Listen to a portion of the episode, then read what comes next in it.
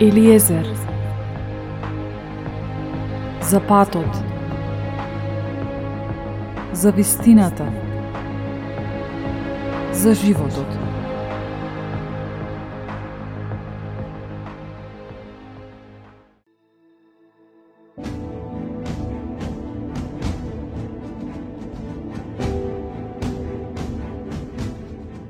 Мудрост Сиракова 47 глава.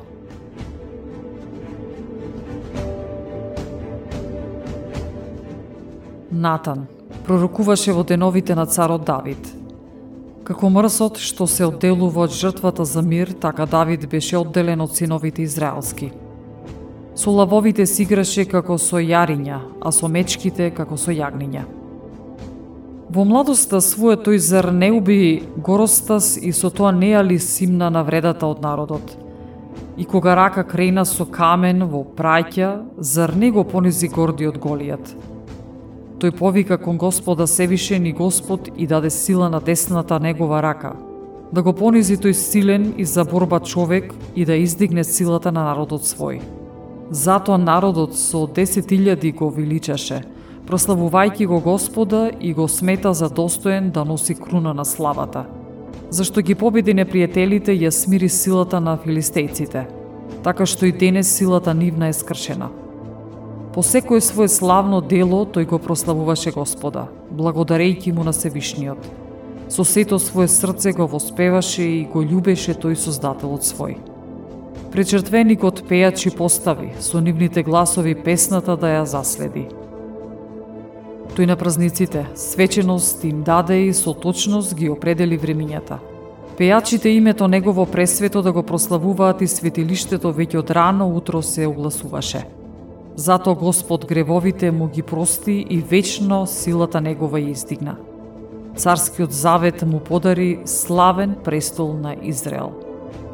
По него мудриот син негов се издигна и поради таткото свој безбедно живееше.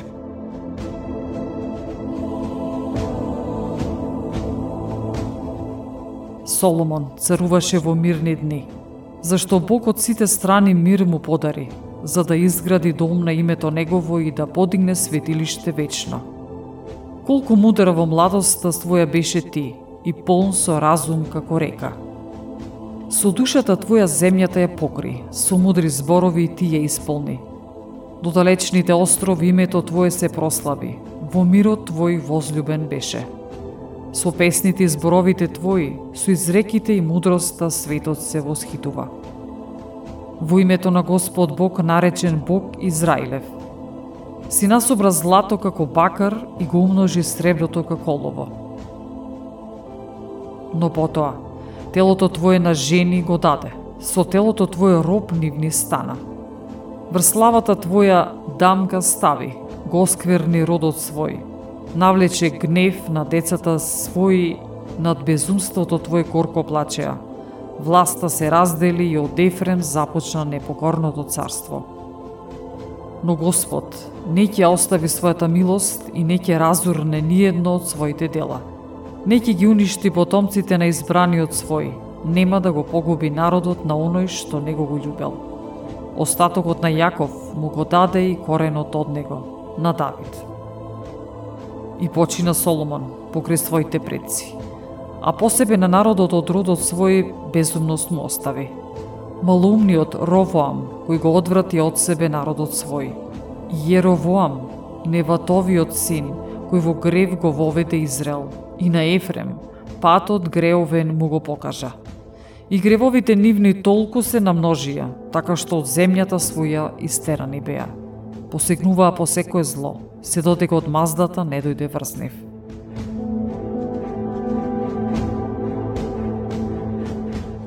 Мудрост Сирахова 48 глава.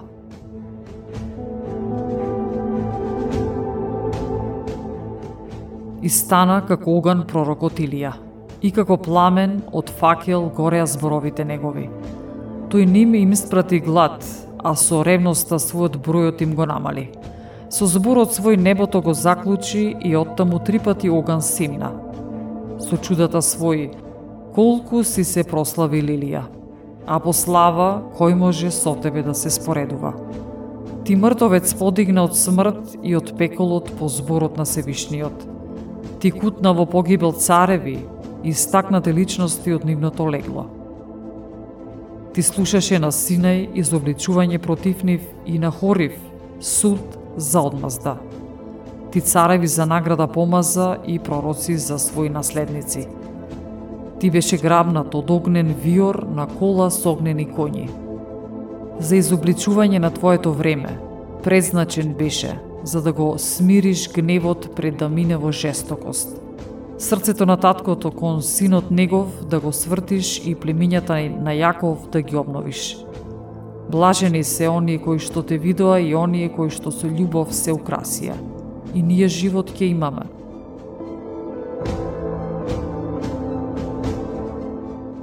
Илија, во виор сокриен беше, а Елисеј со духот негов се исполни.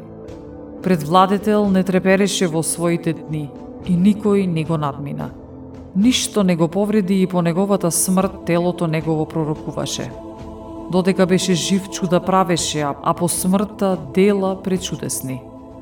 Но покрај сето тоа народот не се покаја, од своите гревови не отстапи, додека во робство не го одведоа и по цел свет не го расеаја. е малку од народот остана и еден кнес од домот на Давид. Некои од нив вршија што е право пред Господа, а други гревовите свои ги умножуваа.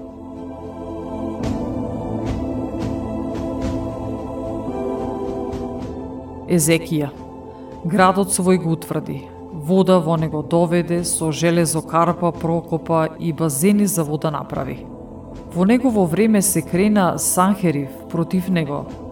Таму Раврашек го прати, кој дигна рака на Сион и во гордоста своја се правеше многу голем. Тогаш им се стресо срцата и рацете и како родолки се мачеа. Кон милостивиот Господ повика, раце кон него креба. И светиот ги слушна набргу од небото и ги избави со раката на Исаија. Тој ја порази војската асирска и ангелот негов сите ги истреби, зашто Езерија вршеше што е угодно пред Господа и право одеше по патиштата на својот татко Давид – како што заповеда Исаија, голем и верен во своите видения. Во неговите денови сонцето назад се врати и тој на царот животот му го продолжи. Со својот голем дух ја предвиде далечната иднина и ги утешуваше оние што тагуваа во Сион. Ја објави иднината се до крајот на времето и се што било сокриено пред да се исполни.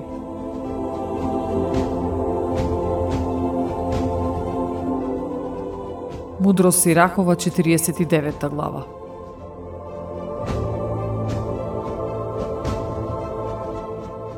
Споменот за Јошијаху е како миризлив темјан, приготвен од вешт мироварец.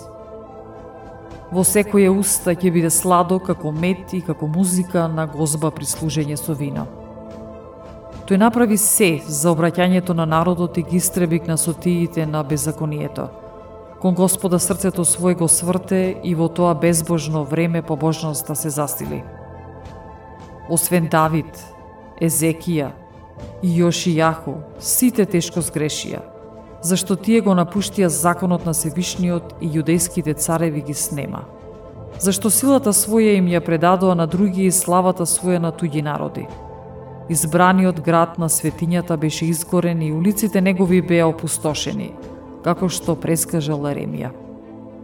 Него го жалостија, иако тој беше оставен за пророк, да искоренува, да соборува и да уништува, како и да гради и да сади.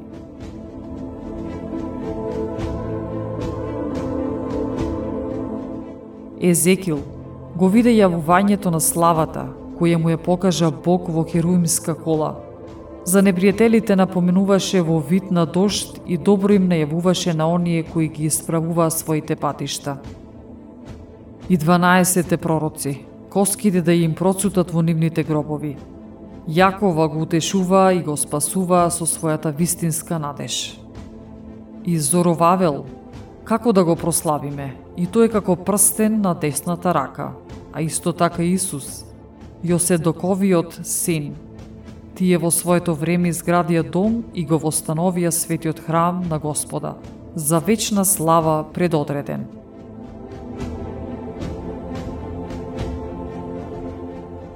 Голем е споменот и на Неемија, кој ги изгради паднатите градски зидови и постави врати и резиња, а ги обнови и урнатите куќи.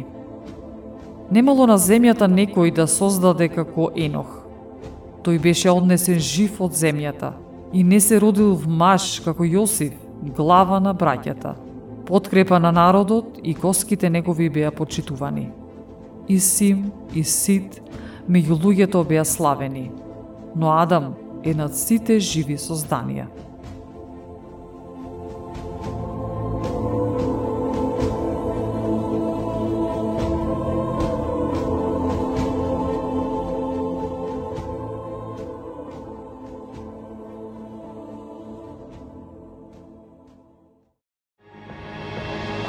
Eliezer